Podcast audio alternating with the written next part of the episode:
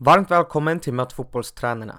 Veckans gäst är en väldigt rutinerad tränare, nämligen Stuart Baxter. I avsnittet pratar vi med hans resa och erfarenheter av att vara tränare i nästan 10 olika länder i klubblag och landslag och hur fotbollen skiljer sig i länderna han har varit. Han berättar om starten av sin tränarkarriär i Örebro SK, tiden i AIK Champions League-äventyret, hur mycket han följer svensk fotboll idag och ifall han kan tänka sig att träna ett allsvenskt lag igen. Vi pratar även om mentorskap, taktisk flexibilitet, hur tufft det är att vara fotbollstränare, det sjukaste han har varit med om, hur han har lärt känna Arsène Wenger, ledarskap, vilka taktiska trender han ser i dagens toppfotboll och avslutningsvis delar han med sig av sina tips till tränare.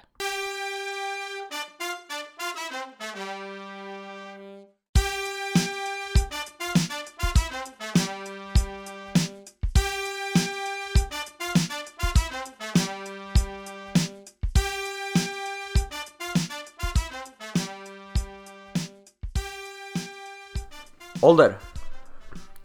66. Familj? Gift med två barn och två barn från min uh, tidigare äktenskap. Bor? Bor i, ja, var mitt jobb tar mig men uh, vi har vårt hem i Helsingborg. Bästa spelaren du har tränat? Uh, Mikael Laudrup. Favoritlag? Aston Villa. Förebild? Malcolm Allison. Naturgräs eller konstgräs? Naturgräs. Kostym eller träningsoverall på match? Kostym. Vad gör du på matchdagen? Förbereder mig och laget väldigt, väldigt noggrant så att när vi går in på plan jag vet jag har gjort allt jag kan. Favoritsyssla utanför fotbollen? Familj.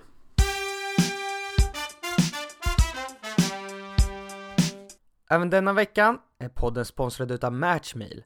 Matchmeal började 2019 att arbeta tillsammans med ett par idrottslag för att ta fram ett upplägg som skapar bättre kostförutsättningar för idrottare under träningsveckan. Då många idrottare har det stressigt från jobb och skola och för att få ihop livspusslet med veckans träningar hinner idrottare inte alltid äta ordentligt innan och efter sin träning. Samtidigt är det långt ifrån alla lag som har möjlighet att erbjuda sina spelare något att äta i samband med varje träning. Mot denna bakgrund har Matchmeal lanserat sitt nya träningskoncept Market som på kort tid blir mycket populärt hos idrottslag inom flertalet idrotter. Matchmeal Market ger idrottare möjligheten att handla populära energi och återhämtningsprodukter direkt i omklädningsrummet till samma pris som i butik och detta utan att det kostar laget eller klubben en enda krona. Även denna veckan är rabattkoden med stora bokstäver MFT25 som ger hela 25% rabatt på valfritt market eller matchpaket från Matchmeal. Så jag tycker verkligen att du ska testa på detta fantastiska koncept.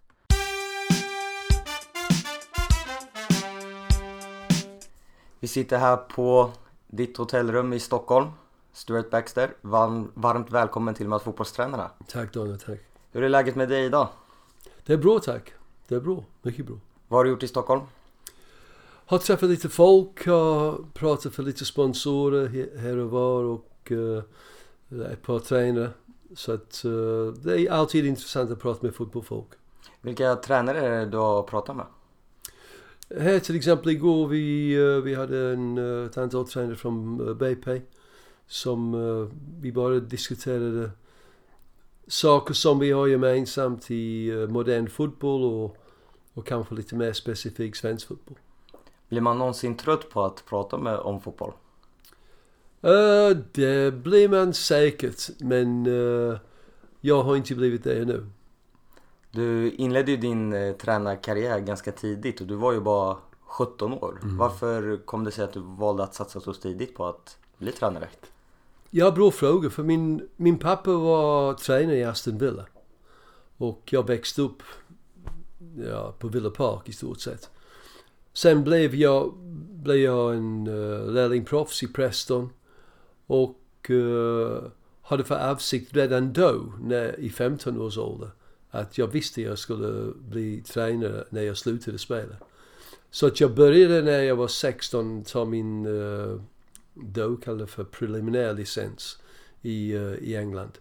Så jag gick den kurs och samtidigt uh, så, då som 17-åring, då uh, gick jag till en armébas som var i närheten och coachade uh, juniorsoldater. Du nämnde ju din far där som var tränare. Hur mycket har han påverkat dig att du ville satsa på att bli tränare? Jag tror att han påverkade mig omedvetet väldigt mycket. Uh, jag, jag såg honom coacha laget och jag, jag tyckte liksom, jag beundrade hans, hans entusiasm och, och hans sätt och, och han tillät mig kika in i proffsfotbollvärlden. Liksom lite grann i omklädningsrummet i en hörn när de hade matcher och, och jag blev bara fångad liksom av, uh, av den idén att jag skulle bli fotbollsspelare och jag sen skulle bli tränare. Har du haft honom som någon slags bollplank och genom din karriär och pratat och frågat om råd och så vidare? Ja, det, det... Man kan säga som så. Min far, min far kunde mycket fotboll.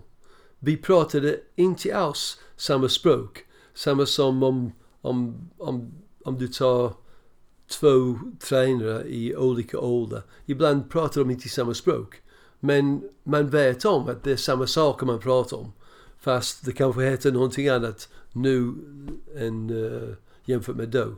Så att ja, och framförallt de mer kan man säga, mentala utmaningar som man har som tränare. Man kommer, jag, jag kommer ihåg, jag, jag kunde komma in till honom och beklaga mig över, ja, någon någon journalist eller någon styrelsegubbe eller någon spelare som var för kaxig eller någonting sånt.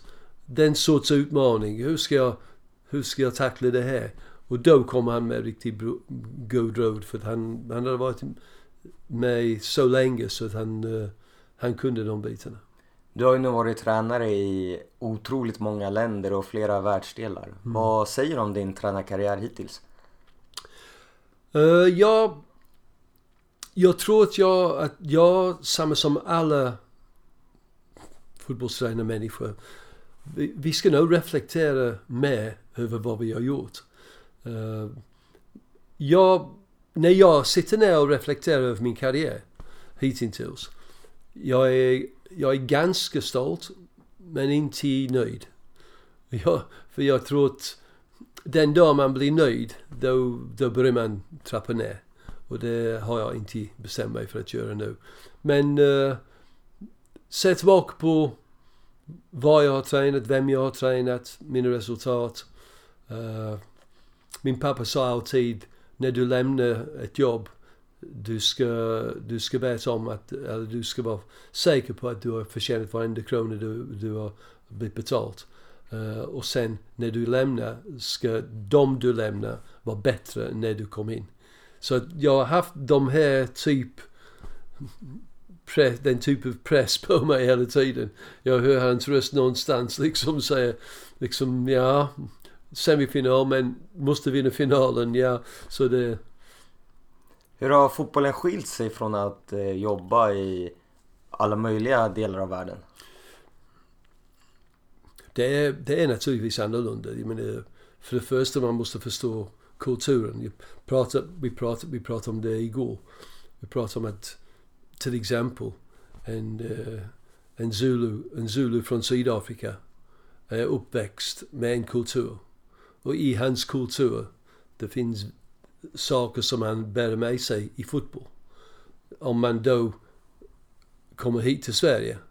Vi har en väldigt organiserad uh, samhälle som präglar oss när vi spelar fotboll system, logik, väldigt enkelt för en svensk. Att vara kreativ, det är någonting som vi som tränare måste lägga in som inslag i träningen. Att stimulera den. Jag menar, Sydafrika, total kaos ibland. Den lilla zulu-pojken, han har inga problem att hitta på. Men snacka struktur med honom i fem minuter, då är han mätt. För liksom den delen av hjärnan, bokstavligt talat, är inte aktiverad. Så att hur du, hur du, eh, hur väl man kan anpassa sig till att prata deras språk, om du förstår vad jag menar. Att komma in på deras våglängd.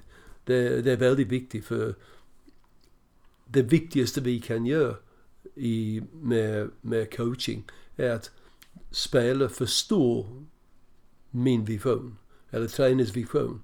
kan du inte kommunicera. Är du inte på deras våglängd, kommer all, de kommer aldrig att göra det. Så att uh, det är där det skiljer sig och det, man måste förbereda sig. Jag menar till exempel när jag kom till Japan. Jag hade läst väldigt mycket, mm, liksom, typ hagakuri, en typ av samurai-bibel. Uh, eh, hur de uppfostrar sina barn. Vad, vad är det som de skäms för och vad är det som gör dem stolt och så vidare. Så om man är förberedd, liksom, det är lättare att komma in på deras våglängd. Är det här någonting som du har lärt dig senare under din karriär eller som du började med tidigt? Ja, bra fråga. Jag vet inte. Jag, jag vet inte när, men jag har alltid...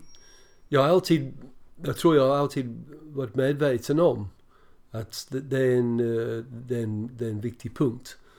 Uh, sen hur pass mycket jag har förberett mig. Jag tror det, det, kom, det har kommit liksom eh, successivt. Jag tror att det är... Om man, om man är en ung tränare man tror att man kan förändra hela världen. Man har entusiasmen, man har energi. Man, och sen när man, men man kanske brister på erfarenhet. Men när man är en, en mer erfaren tränare, då har man lärt sig vikten av att delegera och, Eh, och, inte behöver göra allting själv och lita på andra. Eh, lita på andra och, och jag tror att liksom Väljer man en ung tränare då får man den. Väljer man en lite mer erfaren tränare då får man den. Så att det om man har tur man får en erfaren tränare som har mycket energi. Men, eller en väldigt, väldigt uh, klok ung tränare. Ja. Som ledare, hur skulle du beskriva dig själv? Jag, jag är väldigt mån om att försöka att vara den tränare som den grupp jag jobbar med behöver. Uh, jag tror inte jag kan säga, till exempel om du frågar folk när jag var i AIK till exempel. Jag tror de skulle nog säga att jag var ganska tuff, ganska hård, ganska rak med, med alla. Men kommer man till en, uh, ett sydafrikanskt lag som har många pojkar som har gått hela sitt liv och de har fått pisk, pisk, pisk, pisk med den bakgrund man haft med apartheid etc. Det, det är inte läge där att gå in och agera som jag gjorde i AIK. Liksom, eh, då, då måste man vara en vän ibland. Man måste veta när man ska sätta ner foten naturligtvis men man måste stimulera dem på ett annat sätt. Så att jag tror att vara den tränare som, och, och, och förhoppningsvis förstår jag, förstår jag vilken sorts tränare de behöver baserat på kultur, deras taktiska färdigheter, deras tekniska färdigheter, fysiska färdigheter, social beteende. Så jag är väldigt mån om att, uh, att försöka att göra det. Och sen att, eh, att sätta spelare i i mitten av argumentet. Och inte att tränare står där och, och ska försöka se väldigt klok ut och vara mittpunkten i allting. Utan att uh, kan jag kliva, kliva tillbaka lite, lite grann och låta dem forska med, med de instruktioner som jag har gett. Då kanske, kanske jag är bättre på det nu än vad jag var tidigare men uh, det är det jag försöker göra. Så rent eh, ledarskapsmässigt har du utvecklat dig mycket på senare år? På senare mm. år... Jag, vet, jag vet inte. Jag tror att, jag tror att om man... Om man alltid strävar efter att förbättra sig. Uh, att man, att man upptäcker flera lagar att man kan ta till sig. Jag tror att om man strävar efter det, jag tror man, uh, även en förlust är information. Så, så länge man be, be, uh, bearbetar uh, den information på rätt sätt, ja, jag tror att man kan fortsätta lära sig hur länge som helst. Det du nämnde om innan hur du var som ledare i AIK och hur du skilde dig i Sydafrika. Mm. Hur skicklig måste man vara som ledare att veta att nu har jag den här gruppen, då måste jag vara på det här viset. Nu har jag en annan grupp och ska vara det här. Måste man skilja sitt ledarskap? Ja, det är klart. Man kan åka, jag kan åka runt, runt världen och, och ha med mig en 4-4-2. En 442 med, med zonprioritering och, och liksom en, uh, en possession-based game. Och jag, jag, kan ha den bang, bang, bang. Det är min struktur. Det är Stuart Baxter. Han tar det till Sydafrika, Japan, Sverige, England. Det är klart man kan göra det. Men jag tror, ska man, ska man vara framgångsrik, då måste spelare köpa, verkligen köpa de idéer du har. Så att visst måste de få instruktioner. Men svenska spelare accepterar instruktioner och det sätt att coacha mycket enklare än, än till exempel en, eh, en sydafrikan. Så att jag tror att man, man, man, måste, man måste räkna ut liksom, hur, hur kan jag göra min vision leva för, med, i hans huvudet. så att han kan då känna sig att jag har fått den information från honom, då gick jag online så att säga. Men jag måste vara klok, som, klok nog som tränare att ibland låta honom gå offline. För det är det, det är det han kan få upptäcka att det här är intressant. Det här kan jag leka med lite. Så att online, offline, hur mycket procent Sverige jämfört med England jämfört med Japan eller Sydafrika. Det, liksom, det tror jag är lite grann av en, av en, av en nyckel. I Sverige har du varit tränare i ÖSK, Halmstad, Helsingborg och AIK. Mm. Hur mycket följer du svensk fotboll idag? Ja, väldigt mycket. Jag menar, alltid, alltid intressant att följa de lag till exempel. Men uh, även, även svensk fotboll i sin, i sin helhet. Jag pratar ganska ofta med, med folk som, som både tränar här och har tränat här. Uh, min son till exempel, han är, han är i Kaiser Chiefs i, i Sydafrika. Uh, vi diskuterar väldigt mycket, vi streamar lite matcher då och då och håller oss uh, informerade om, om uh, det som händer. Skulle Allsvenskan vara aktuellt för dig att jobba i igen? Ja, absolut. Jag menar, jag vet inte när, jag vet inte med vilken klubb, men jag menar det, det är absolut... Jag menar, vi har vårt hem i, i Helsingborg. Vi, vi, ser, vi ser Sverige som en, uh, ett fint land och vi, det har varit min bas under alla mina resor. Jag har alltid kommit tillbaka till Sverige. Uh, så att, absolut, det finns ingenting som, uh, som säger det är en omöjlighet. Vad tycker du om kvaliteten på Allsvenskan? Ja, vi diskuterade också det här i, igår också. Den, jag tror att produkt, produkt allsvensk fotboll har blivit bara bättre och bättre. Nu, om det betyder vi har bättre spelare i Allsvenskan idag jämfört med till exempel den AIK, mitt, mitt AIK som vann, eh, som vann Allsvenskan. Jag är inte säker, för jag tror att bra spelare blir, blir fångade av eh, utlandet snabbare nu. Så att, jag menar en, en Ola Andersson eller en, eh, en Christian Nordin och Johan Mjällby, de där i dagens fotboll skulle gå väldigt snabbt. Jag, jag tror inte de är 28, 29 och har inte blivit, fått det anbudet. Jag tror att de, de hade blivit uh, snappat upp. Men jag tror att faciliteter är bättre nu och, och uh, utveckling går fortare nu. Det är en annan värld också nu. Samhället är annorlunda nu. Så att vi, vi får en mer kreativ svensk spelare nu än vad vi hade för en normal spelare för tio år sedan. Så att har blivit bättre i vissa saker. Produkten är absolut bättre. Men jag tror att vi, då hade de spelare som spelade, typ de jag, jag nämnde, och plus många andra, de hade blivit, de hade blivit snappat upp. Så att på det viset är det kanske svårare att bygga, bygga ditt lag på sikt. För direkt du får lite framgång då, då rycker en tre, fyra stycken. Är det något eh, speciellt lag eller någon tränare som du tycker har varit extra intressant? I Sverige? Jag vet inte. Jag pratar väldigt ofta med de som jag, som jag har haft. Andreas Alm spelade för mig. Micke Stara var en AIK. Uh, eh, han var inne i AIK när, när jag var där. Rickard och, jag menar, det, det är ganska många. Jag pratar inte med dem var, varje vecka men uh, det är de jag följer först och främst. Och sen uh, Olof har tagit, tagit över nu i Helsingborg Så det är ganska många som, som jag känner som har varit tillsammans med mig. Just Andreas Arm som du nämnde som tidigare var i AIK, idag i Mm. BK Häcken, agerade ju du lite mentor åt. Vad var det du hjälpte med honom då? vill jag inte säga nu. I, i, idag, är vi, idag är vi bara tränarkollegor som, eh, som pratar fotboll då och då.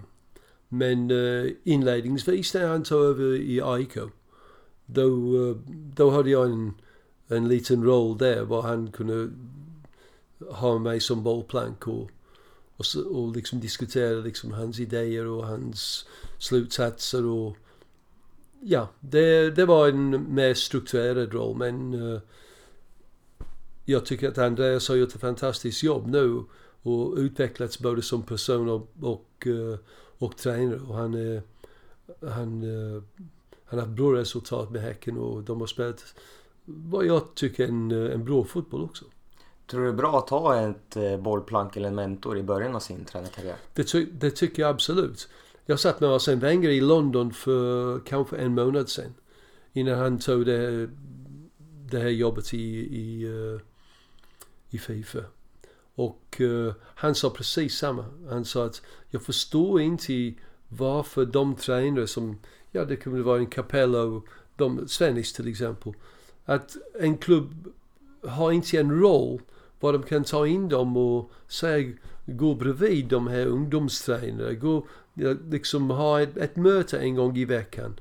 Vad det är för vår senior, ung seniortränare. Så att han kan slänga ut, slänga ut sina idéer och få lite feedback. Uh, och sen sa det. Han sa liksom att det, är- det är precis. Jag tycker, jag tycker det är konstigt att ingen har frågat honom. Till exempel. Har du haft någon mentor? Inte officiellt men jag har haft. Jag snackar om Malcolm Allison. Han var en uh, tränare som var så långt före sin tid.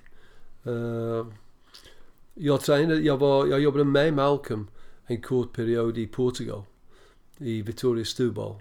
Han ringde mig, det var vinter, det var vinter, jag var i, uh, tror året innan jag kom till Halmstad. Han ringde mig uh, och sa, vad ska du göra nu? Ja, jag ska, det är mörkt här uppe i Norge så jag, jag ska ta mig till Sverige. Nej, kom här. Var hos mig en månad, två månader.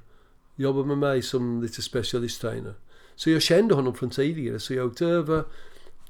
Han slängde in mig ibland och sa liksom Ta du uh, försvarsspelare där, går du dit och gör någonting. Ta, ta anfallsspelare. Liksom, ja, du kan ta hand om passet under eftermiddagen. Så på kvällen då åkte jag hem till honom och vi diskuterade hur det hade gått för mig. Så han var nog en mentor utan att vi kallade, jag kallade honom för min mentor. Men uh, jag tror det kan, eh, det, kan, det kan vara så. Att man bara har en tränare som, jag vet att många, många Premier League-tränare de ringde Sir Alex väldigt ofta. E. Och även när Malcolm, när, när vi var i Portugal, Terry, Benab Terry Venables var i Barcelona e, och Malcolm fick väldigt ofta innan träning telefonsamtal från Terry. Så här, så här jag tänkt mig Malcolm till helgen. Så det, han sa ja, det är Terry igen. Han sa jag ska snart ta halva hans lön. Ja, men, det, ja. men jag tror det, det är en bra idé. Du startade ju din tränarkarriär i ÖSK. Hur var det när du Ja. kom igång för första gången och var fotbollstränare? Väldigt tufft. Det var väldigt tufft för mig för att jag gick från att vara spelare till tränare över natt. Nu hade jag bestämt mig att jag skulle, att jag skulle sluta som aktiv för att jag hade, jag hade väldiga problem med en akillessena som jag fick operera tre gånger. Så det blir mer och mer kämpigt för mig att, eh, att, att, få, att spela. Så att när Roy, när Roy tog Malmö och uh, de bad mig ta över i ÖSK. Det var en, det var en chans för mig att, att gå från Stuart Baxter spelare till Stuart Baxter tränare. Bli sett som en tränare och inte att du är en mittback. Du är en ganska frän men ganska långsam mittback. Liksom, jag vill göra det där lilla klivet. Så det var fantastiskt bra och jag kommer alltid uh, var tacksam att eh, ÖSK hade den förtroende för mig. Eh, men det var väldigt svårt att, att ha med lagkamrater att göra. Jag menar, jag hade dem, hade dem, de ringde mig och frågade om jag ville ta en öl. Det ena sekund. Och sen nästa sekunden vad ska du? Ta en öl? Nej, sluta. Liksom, det, det, det är en väldig, väldig, uh, en väldig kliv. Men uh, det gick hyfsat. Vi hade ett par engelsmän som kom och fördärvade mycket vad de svenska hade byggt upp. Men uh, ja, misstag är information. När du tränade AIK vann ni ju Allsvenskan. Mm. Vad skulle du säga gjorde att ni vann? Jag satt i Japan och Stefan Söderberg kom ner och erbjöd mig chansen att komma tillbaka till AIK. Under tiden jag var i Japan då tittade jag på så mycket, uh, ja det var videos då, det var inte ens DVD. Men eh, uh, filmer av AIK och Allsvenskan. Och jag bestämde mig att ska jag komma tillbaka till Sverige, AIK hade slutat tror jag på åttonde plats året innan. Ska jag komma tillbaka och spela precis samma som alla andra. Då kommer det, det, det kommer bero på vem har de bästa spelarna eller vem som har lite flax. Så jag bestämde mig att vi måste ha någonting som är med det här är AIKs sätt att spela. Så både taktisk och eh, psykisk. När jag kom tillbaka, rent psyk, psykiskt och mentalt, den, den sorts eh, kultur jag vill ha i klubben. Jag ville att det skulle reflektera AIKs fans, AIKs historia. Och det skulle vara tufft, det skulle vara, det skulle vara på gränsen till aggressiv. På gränsen till kaxig, men inte riktigt. Men väldigt proffsig och väldigt hårt arbetande. Nu eh, uh, spelade vi med en diamant och vi pressade inåt för alla andra pressade utåt. Vi, vi, vi släppte deras mittback för uppspel men på vanlig vis gick det ut till en, en ytterback och de klinkade i korridoren och man fick en viss rörelseschema från forwardsen.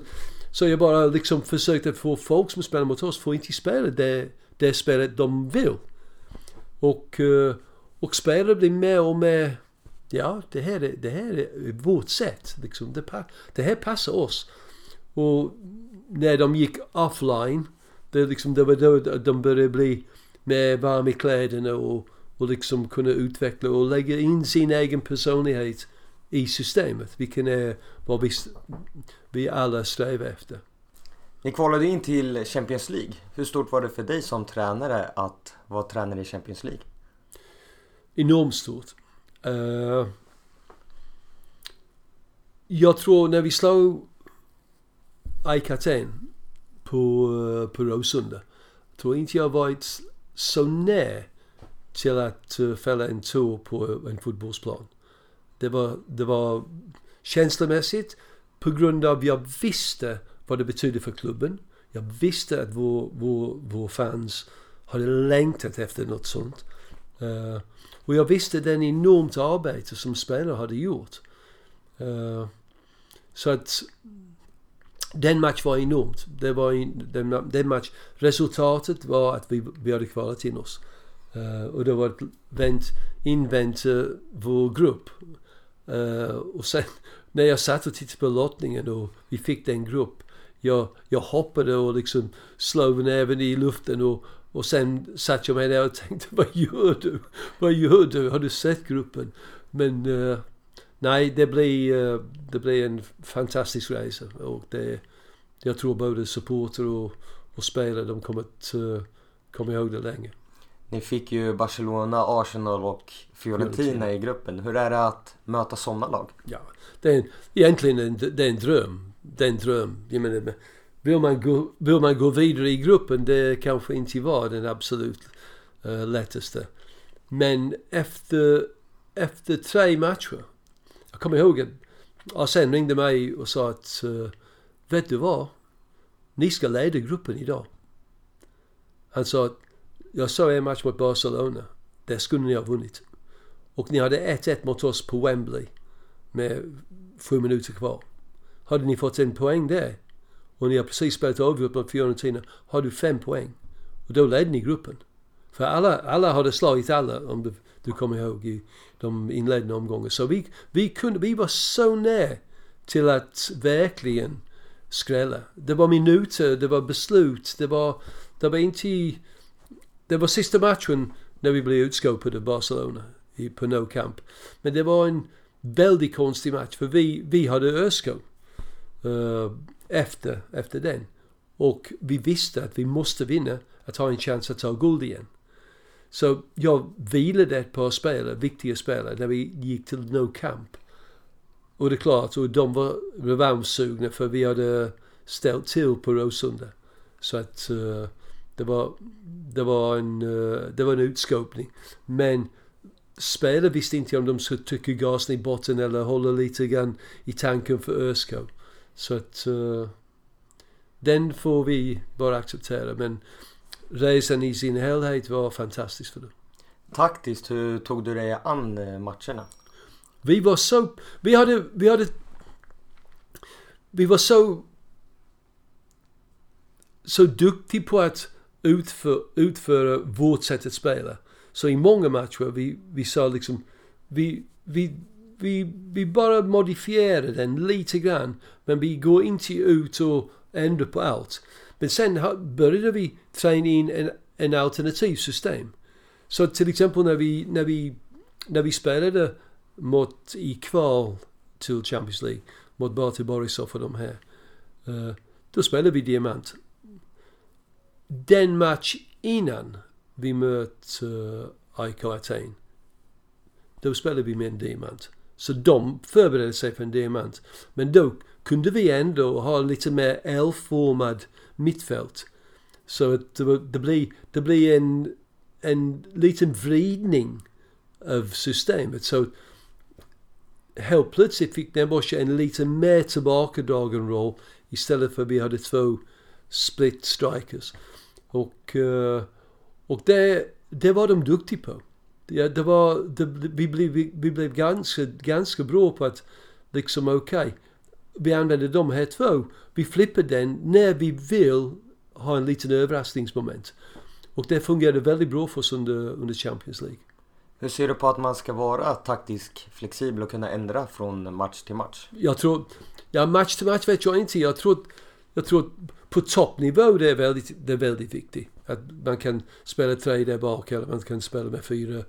Man kan trycka in sina, eh, sina ytterbackar och droppa ner en mittfältspelare och bygga en ny tre. Så hur man spelar uh, formationen jag tror det är principer som är det viktigaste, de bärande väg. Det är de här principerna, spelprinciper. Jag tror formationen, om du, om du spelar 4-4-2, du kan spela 4-4-2 på många olika sätt. Så det, formation är inte så viktig. Men uh, att du kan ha en flexibilitet och skulle kunna ändra utan att du behöver göra två, tre veckors arbete. Jag tror det har blivit bättre i Sverige. Jag tror att en gång i tiden då spelade vi, vi spelade på vårt sätt oavsett vem vi möter. Och då tror jag att liksom, det var det som drog oss tillbaka lite grann i, uh, i Uefa-spel. Att vi, vi kunde göra det i, i allsvenskan och vinna ligan men när man kom ut då krävdes det lite mer, om inte man var totalt dominerande, då krävs det lite mer flexibilitet. Och jag tror allsvenska lag har lite mer flexibilitet nu. Man ser att man behöver inte prata en, en, en hel dag om man vill ha in sin yttermittfältare i, fickan lite mer, lite oftare och liksom ha ytterbacken högre och låta en mittfältare droppa ut. Liksom den rotation där, jag tror man kan få till den, den sorts drag ganska så lätt. Vilken taktik skulle du säga är Stuart Baxter-taktiken? Har du någon spelmodell som du tar med dig till de flesta lagen eller kollar du mest på spelmaterialet som finns tillgängligt? Nej, jag, menar, jag, jag tror spelprinciper, spelprinciper det ändras inte speciellt mycket. Jag menar, om man, om man pratar om... Men fotboll, fotboll är att, att lösa följande problem. När du har bollen, du har hela deras lag framför dig. Då måste du spela en antingen possession-based eller du slår längre bollar. Men du måste lösa att komma fram till avslut utan att ge upp en jättestor spelvändning. Du måste skulle kunna använda din spelvändning positivt att komma till en snabbt avslut med din motståndare. Och sen måste du kunna försvara på samma sätt när du är helt i balans eller ute balans. Och sen är det fasta situationer. De, de saker de, de bestämmer vem som vinner matchen. style är hur du uppnår dem. Okej, okay, vi kan säga med AIK gjorde vi det på ett visst sätt. Vi pressade inåt, vi pressade in mot Johan Mjällby. När, snarare eller senare, vi vann bollen med ansikt mot mål och vi kunde mata bollen ut. Vi fick in en snabb boll till Limpar och då löp den bak. Så det, det var vårt transitionspel. Men om du tittar på Manchester City, helt annat. Om du tittar på dem när de har ett, ett helt lag framför sig. De, de har en struktur, de vet vad de ska. De har en otrolig trygghet med bollen. Så det är deras sätt. Men om man inte, om man inte kan lösa de, de kriterier, om inte det går hand i hand, så att du, ja, att du, well, vi spelar possession based, ja men du hade 82% possession men ni fick stryk 2-0. Tänk på det. Vad, vad har du åstadkommit? Vi har, vi har 40% possession men vi leder serien. Jag menar, då är det så att de har fått det att gå hand i hand. Vår anfallsspel Eh, är baserat på ett bra försvarsspel. Och försvarsspelet lider inte av, av uh, en gung-ho anfallsspel. Och vår anfallsspel lider inte att vi är baktunga hela tiden och vi kommer aldrig till något avslut. Vi bara håller bollen inom laget. Så jag tror att det är, det är väldigt mycket när jag kommer till ett nytt lag. Vad har de för spelare? Vad har de för kultur i klubben och laget? Vad kan jag ge dem att de inte har nu? Hur kan jag förbättra det som de gör bra? Och då, med de principer jag har, då formar man ett sätt att spela. Med din erfarenhet och i alla länder som du har varit tränare i, hur tufft är klimatet ute att vara fotbollstränare? Det är tufft överallt. Jag menar, man kan, man, kan, man kan fråga sig, vem har mest press på sig?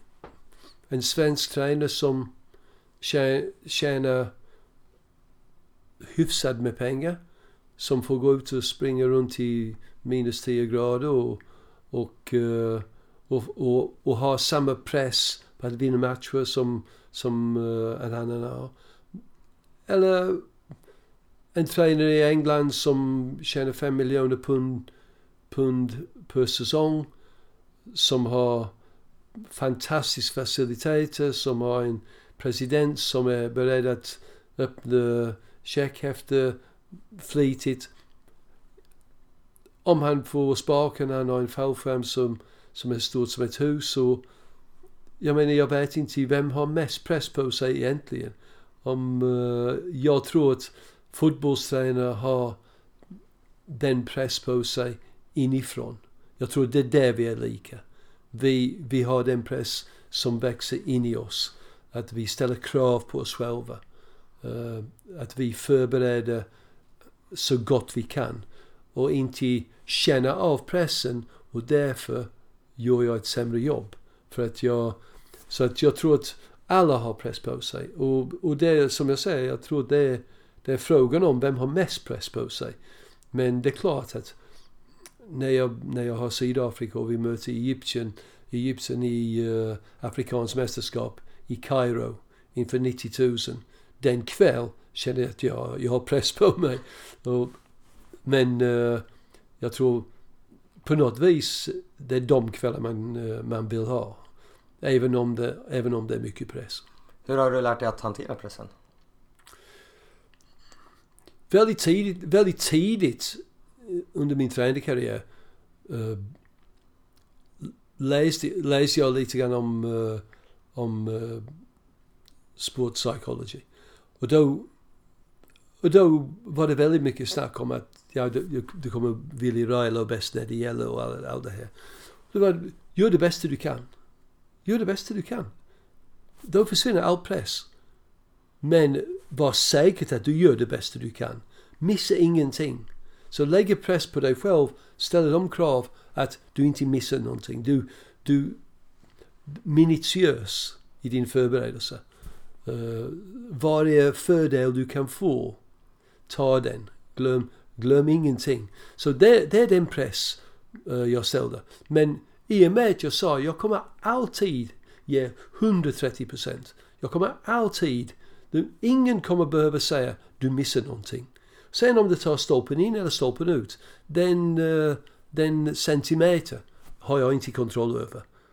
Uh, om en domare blåser straff och efteråt kommer till mig och säger ah, Stuart, det var nog ingen straff, förlåt. Jag har, ingen, jag har ingen, ingen, uh, ingen kontroll över det. Så jag, jag, jag hanterar press i början genom att jag, jag kontrollerar vad jag kan påverka. Försöker, eller påverka vad jag kan påverka. Och sen allt annat det är utanför.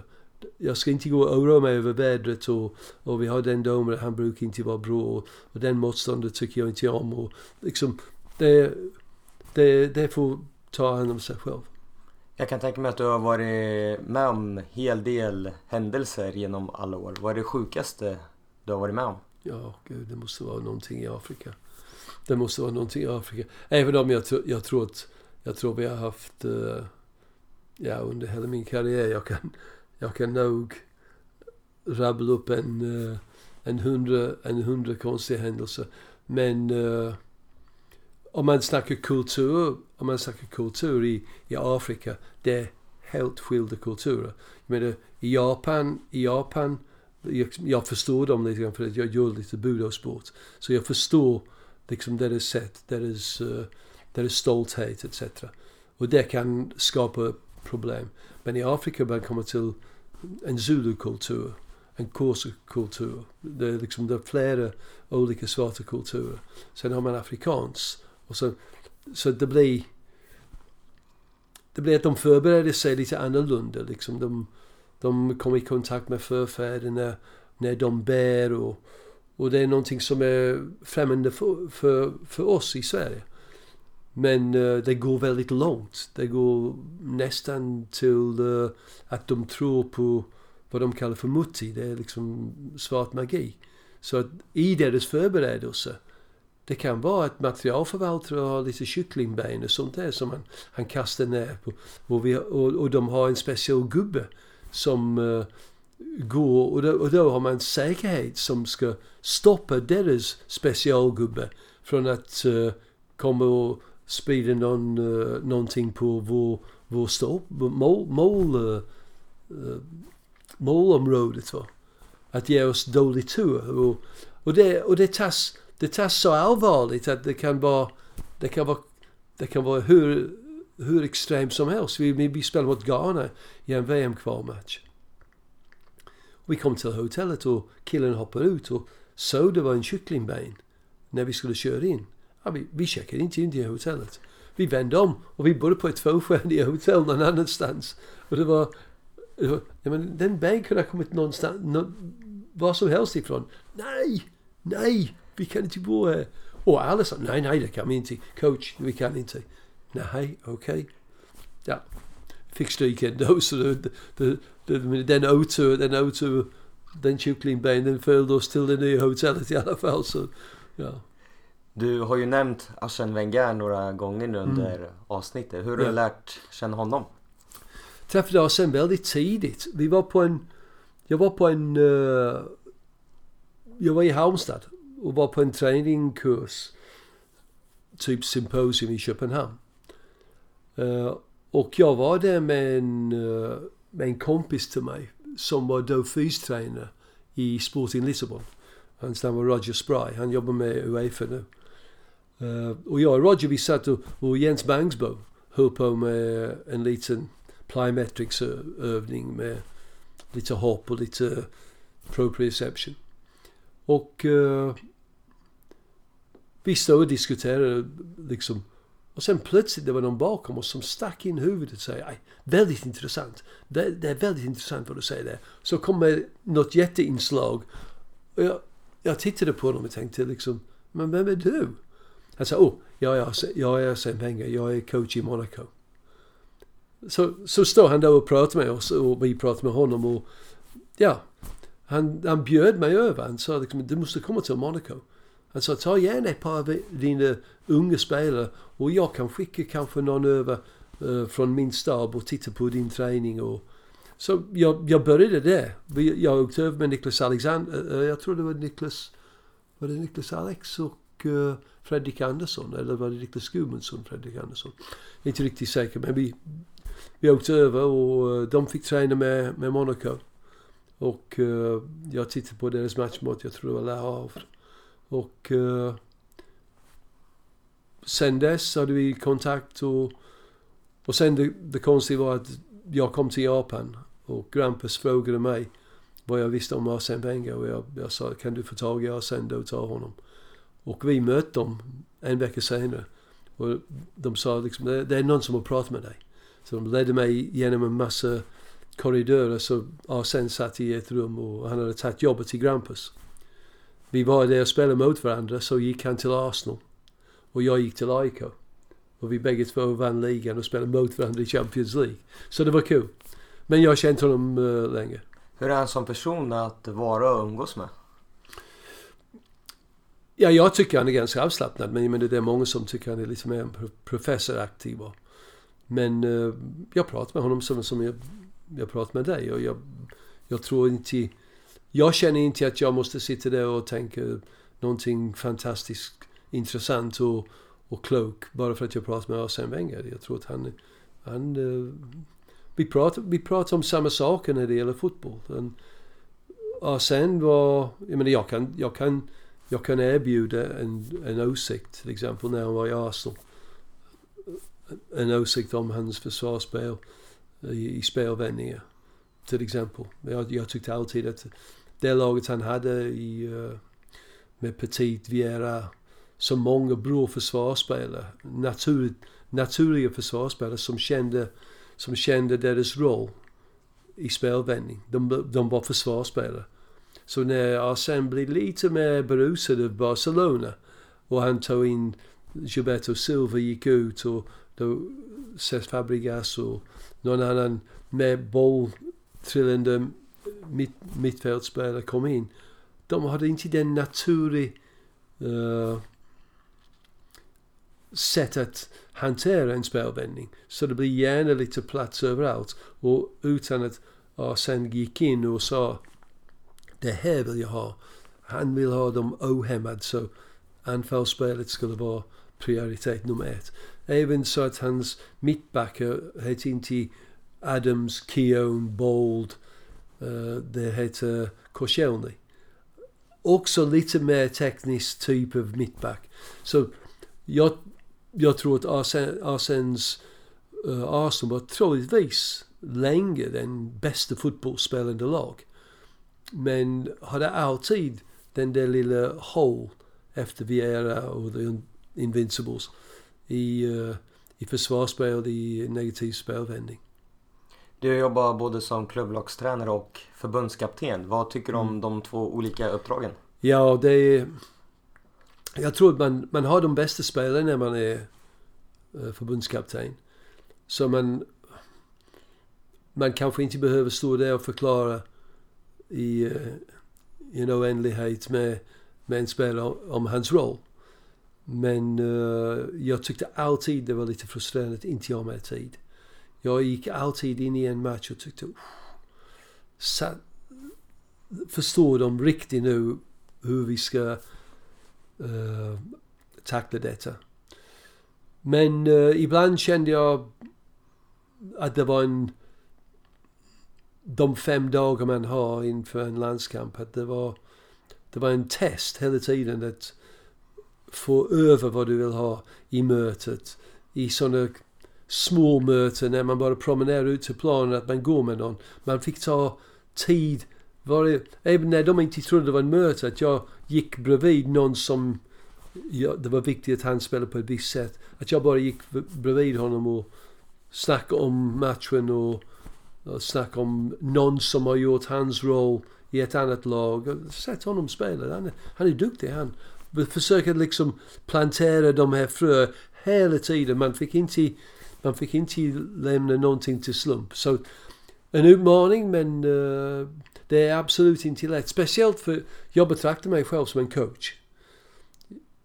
Om vi säger en Harry Redknapp betraktar jag som en manager. Uh, Ranieri betraktade jag som mer manager i, i Leicester än vad han var riktig coach. Spelare, deras framgång för mig var lite mer spelardriven. Men som vi tar Conte i Chelsea deras framgång var coachdriven. Han var väldigt mycket hands-on. Så att jag betraktar mig själv mer, mer som coach och därför var det en stor utmaning att vara eh, förbundskapten, vilken är mer, mer manager än, uh, coach, även om man måste coacha naturligtvis. När du bygger dina lag och ska implementera spelidén, skiljer det sig då när du har ett klubblag kontra ett landslag? Jag tror man, måste, man, man är mer flexibel med, med landslag. Jag tror att det, det också, det också skiljer sig. Om vi, om vi, tar, om vi tar Sverige. Gärna kommer in. Gärna kommer in uh, som förbundskapten. Han vet vad de jobbar med i klubbarna. Så att han, han kan liksom, han, jag behöver inte, jag behöver inte jobba, jobba så jättemycket med överflyttningar här. Alla, alla förstår det. Det ligger i grunden. Om du tar Italien. Du behöver inte jobba då med, som du skulle göra med ett klubblag. Så att uh, om man har ett, en förbund som, är, som har den bakgrund. Då kan man gå vidare till vad jag vill ha som förändring. Men när man tar ett mindre landslag, säg Sydafrika, med all respekt till dem. Eh, då vet jag inte vad de gör på klubbnivå. Jag tror att jag måste gå igenom, jag måste introducera. Jag kan inte stå där och nöta, men jag måste introducera. Så att landskamp efter landskamp, om man, om man har ungefär samma trupp och bara tar in, tar in det ena, eller en, en, en ung kille. Då, då på det viset kan man bygga någonting. Men det är väldigt, det är väldigt svårt när man inte vet vad de har gjort i sina, i sina klubb, respektive klubblag. Du har inget uppdrag idag. Hur sugen är du på att hoppa på något? Ja, det är väldigt sugen men uh, när man kommer, man, man kommer den stadiet i min karriär som, som jag är, då kan jag inte välja fel. Fel val betyder att två år försvinner och jag har inte uh, hur många tvåårskontrakt, treårskontrakt som helst kvar uh, i min tränarkarriär. Så jag vill, jag har lagt ner, jag la ner ganska mycket eh, energi med ett jobb i Kina. Och uh, av naturliga skäl, den har vi lagt på hyllan just nu. Så du hade ett erbjudande som det liksom inte kunde bli någonting av nu? Ja, jag hade ett erbjudande. Vi, vi höll på att brottas med kontraktet. När, för det första, det var en förändring i regler i Kina. Eh, uh, deras skatteregler, deras ant, antal utlänningar och sådär. Så den tog lite tid och sen uh, var det lite tid att få fram de garantier som, som jag hade bett om. Ja, i form av budget för spelare, inköp etc. etc. Uh, när de kom fram med de eh, garantierna och vi skulle träffas och skriva renkontraktet. Då uh, bröt ut uh, viruset. Så då tyckte vi bägge två att liksom i och med säsongen var konkad i stort sett. Att de tyckte inte det var en idé att betala en jävla massa pengar för, för en tränare som ska sitta i Europa och invänta, invänta eh, en, eh, en, eh, en uppsving i, i situationen där. Och jag tyckte inte jag vill uh, ta chansen att ta min familj ner till Kina i det här läget. Så vi, vi, har, bestämt, vi har bestämt att vi ska, vi ska återkomma när situationen klarar. Jag i vetskap om att de kinesiska tränare som är där nu, om de spelar sex träningsmatcher och vinner 6-0 i varje match, kanske de inte vill ha en utländsk tränare. De är medvetna om att jag kanske får ett annat anbud också. Så. Men vi kommer att snackas igen och uh, vi får se. Men uh, innan dess, ja, jag är jättesugen på att uh, komma igång och få doften av gräset igen. Är det något speciellt du liksom är intresserad av eller kan det vara klubblag och landslag? Nej, helst, jag tror, jag tror klubblag. När jag säger, när jag säger tror, det är i första hand. Men om det är ett väldigt intressant uh, landslag, då, uh, då klarar jag nog det också. Men uh, i första hand, den där jag har saknat nu som förbundskapten, jag har saknat den här byggprocessen. Man bygger ett lag, man bygger en kultur runt, runt laget. Försöker spegla liksom de krav man har från supporterna, från klubben, från uh, med den och förena den med den sorts spelare man, uh, man har tillgänglig. Och det är liksom det taktiska varianten. Försöker vara en motståndare som ingen vill spela mot istället för att hela tiden spela det som känns lätt. Ja. Uh, så jag har saknat den. Jag har saknat den sorts utmaning. Men uh, vi får se. Hur mycket av den europeiska toppfotbollen tittar du på idag? Ja, om du frågar min fru, det, det är alldeles för mycket. Men uh, nej, jag, jag, är, jag är samma som alla tränare. Vi, vi, vi har så mycket tillgängligt nu, eller hur? Vi kan, eh, jag kan se på mexikansk, argentinsk, jag kan se på precis vad jag vill. Uh, tysk, italiensk, fransk. Jag har tränarkollegor nu i och med att jag har varit så mycket utom, utomlands. att uh, jag har tränarkollegor nu som jag kan ringa och prata med om, uh, om, fransk, om fransk fotboll och italiensk fotboll. jag har förfrågningar om, jag, om att uh, åka ut och hälsa på dem så när det här virusen har lagt sig då kanske jag är lite mer uh, ute och besöker dem. Men uh, jag ser på mycket fotboll och det, det, går inte, det går inte att undvika den egentligen. Vilka taktiska trender är det du ser i toppfotbollen idag som du tycker är intressanta? Ja, men vi, vi kan gå tillbaka först till uh, Pep i, uh, i Barcelona. Pep, det är, jag menar, han, han ändrade hur, hur folk såg på fotboll. Jag menar, sparka ut allt det här med att uh, låta inte motståndare komma i balans. Han väntade tills de kom i balans. Att, uh, och hade en väldigt strukturerad rörelsemönster så att han rev, rev sönder dem och sen hade han begåvade spelare som inte blev av med bollen. Och blev de av med bollen plötsligt, plötsligt hade vi, hade vi eh, uh, counterpressing. Vi hade den uh, direkt 4-5 sekunder, bam. Så det var organiserat. Sen tog han risken att inte ha vad vi, vad vi skulle tolka som bra fasta situationsspelare. Så att han hade med ja, Mascherano som en mittback nästan. Och, så att Pep ändrade på hur vi såg på fotboll, hur vi, hur vi tänkt fotboll. Att är det möjligt att vara ett vinnande lag och göra så? Jo, det var det. Nu, nu, är det, nu är, har vi gått ännu längre. Vi får bättre och bättre planer. Vi får bättre... Jag menar, att, att försöka spela som Manchester City spelar idag hade man inte kunnat göra för 15 år sedan. På, på, på Main Road istället för Etihad. Det hade man inte kunnat. Träningsplaner då, det som man tränade på, var dåliga. Så vi har, vi har, vi har haft den utveckling. Nu spelar vi mellan, mellan linjerna. Vi spelar, vi, vi spelar snabbare på, på transition. Vi kan, vi är bättre tränade, vi är snabbare spelare. Planen är bättre, bollen går fortare. Regler har ändrats. Vi kan hämta bollen nu in i vårt eget straffområde bara för att öppna ytor bakom deras backlinje. Men fortfarande 100 passningar och ingen skott på mål är inte värt någonting.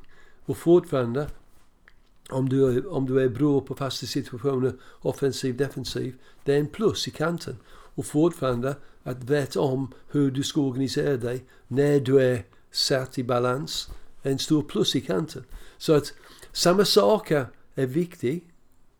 samma sak att vinna fotbollsmatcher. Hur vi uppnår den har ändrat mycket.